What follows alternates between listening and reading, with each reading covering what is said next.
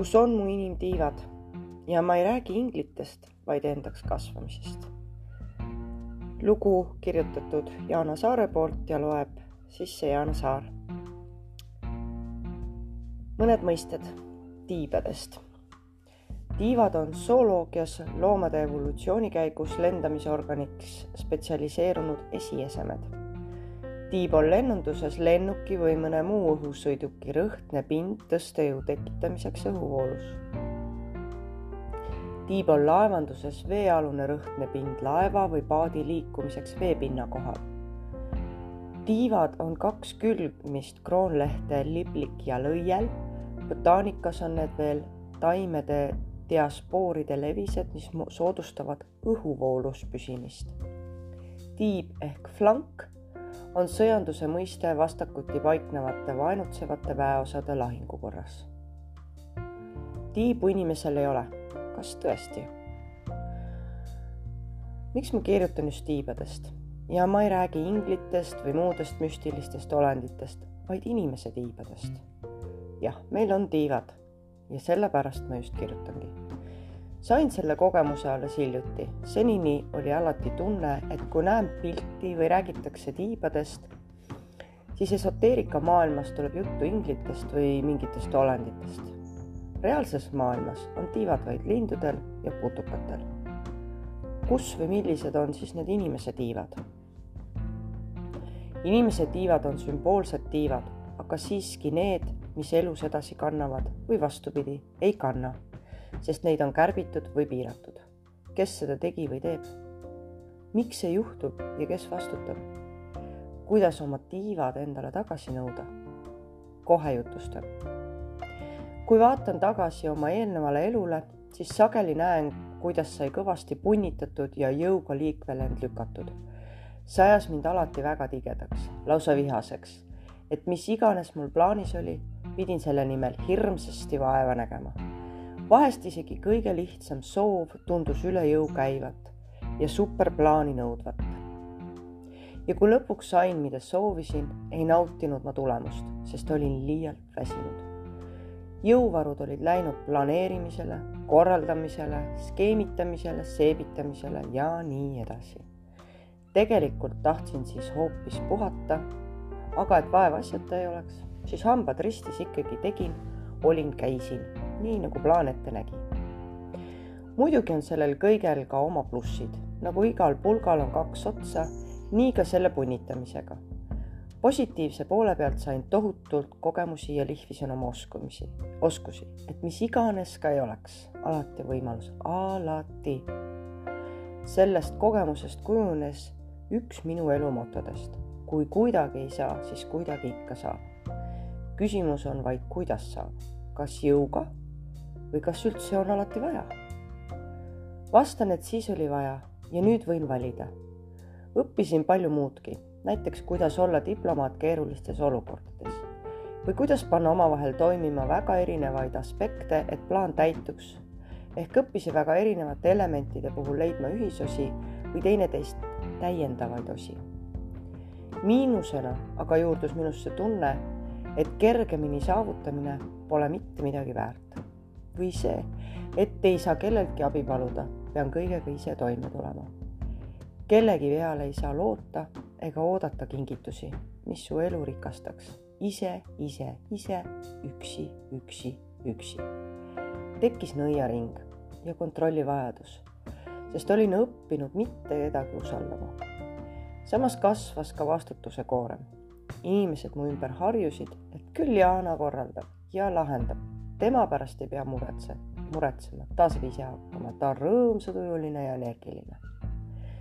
tegelikult mu sees vaikne hääl karjus ja kisendas, et keegi ometigi märkaks mind, et keegi ometigi teeks mõne asja ära minu asemel.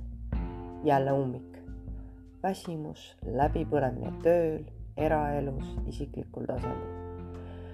aga kui ikka ise ei ütle, siis ega keegi ei tea ka.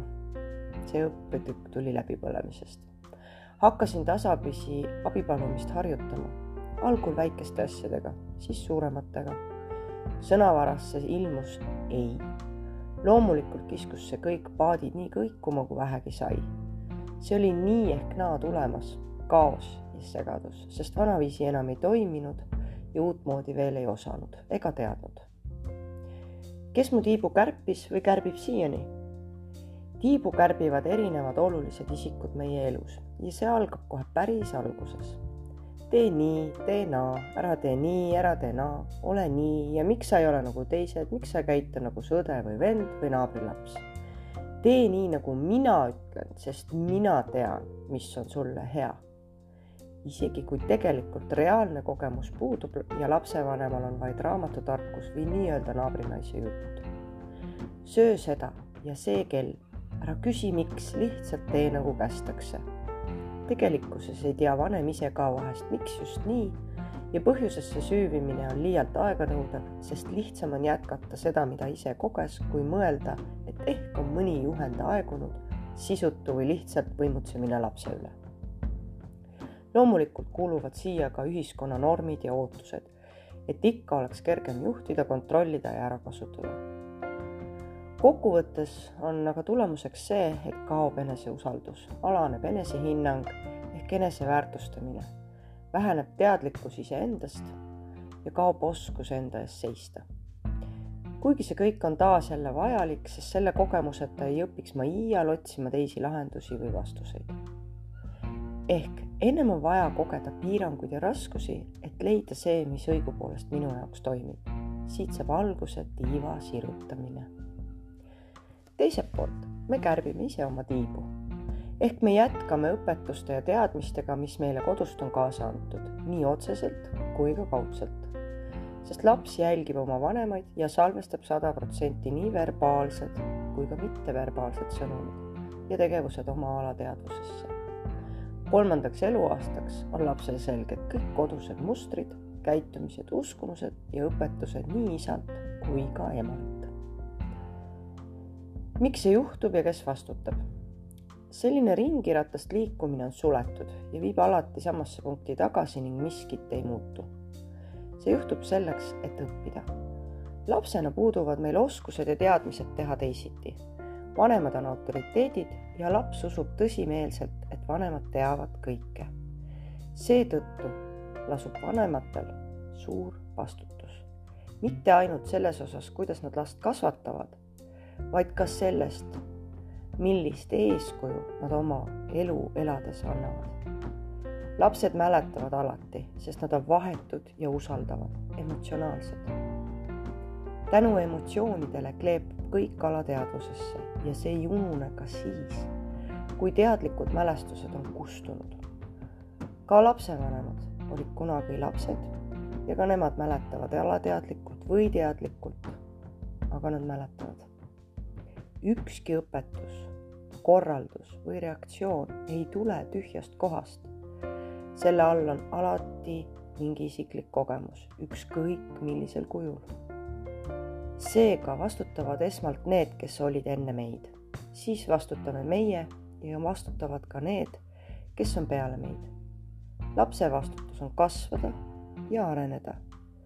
füüsiline, emotsionaalne ja hingeline keskkond, milles ta kasvab on aga lapsevanema vastutada. kuidas oma inimtiivad tagasi saada? emotsioonid on kui teetähised või kui teeme äh, liiklusmärgid. hakka jälgima nii-öelda raskeid ja ärritust tekitavaid hetki. näiteks kui äkki ei tea kust tekib raskustunne kehasse või kui pisiasjad ajavad närvi. pane tähele, kui tõstad liiga kergelt häält või vastupidi soovid olla vait ja suhtlemine on väsitav. või mis iganes muid reaktsioone, emotsioone ja käitumist, mis justkui ei ole adekvaatne antud olukorras. kui tunned olevat end lõksus, kinni, elu on muutunud tuimaks ja igavaks ja nii edasi. ühesõnaga, kõik, mis häirib või võiks olla teisiti, aga ei tea, kuidas ja miks nii see nii on, siis see on alati märk et su inimtiivad tahavad kasvada ja sirutuda. see viitab sellele, et läbi tuleb teha mingisugune protsess, selgitada tiibade kadumise või kärbumise põhjused ning vabastada end haavadest, mis hoiavad elus tagasi. mis see protsess, protsess endast kujutab? kuuled järgmises jutunurga, jutunurgas olevast jutukesest nimega Mis loom see protsess on? ja see ongi vastus küsimusele, kuidas oma ina, inimtiivad tagasi saada. head kuulamist ja kohtume järgmises jutus. tänan.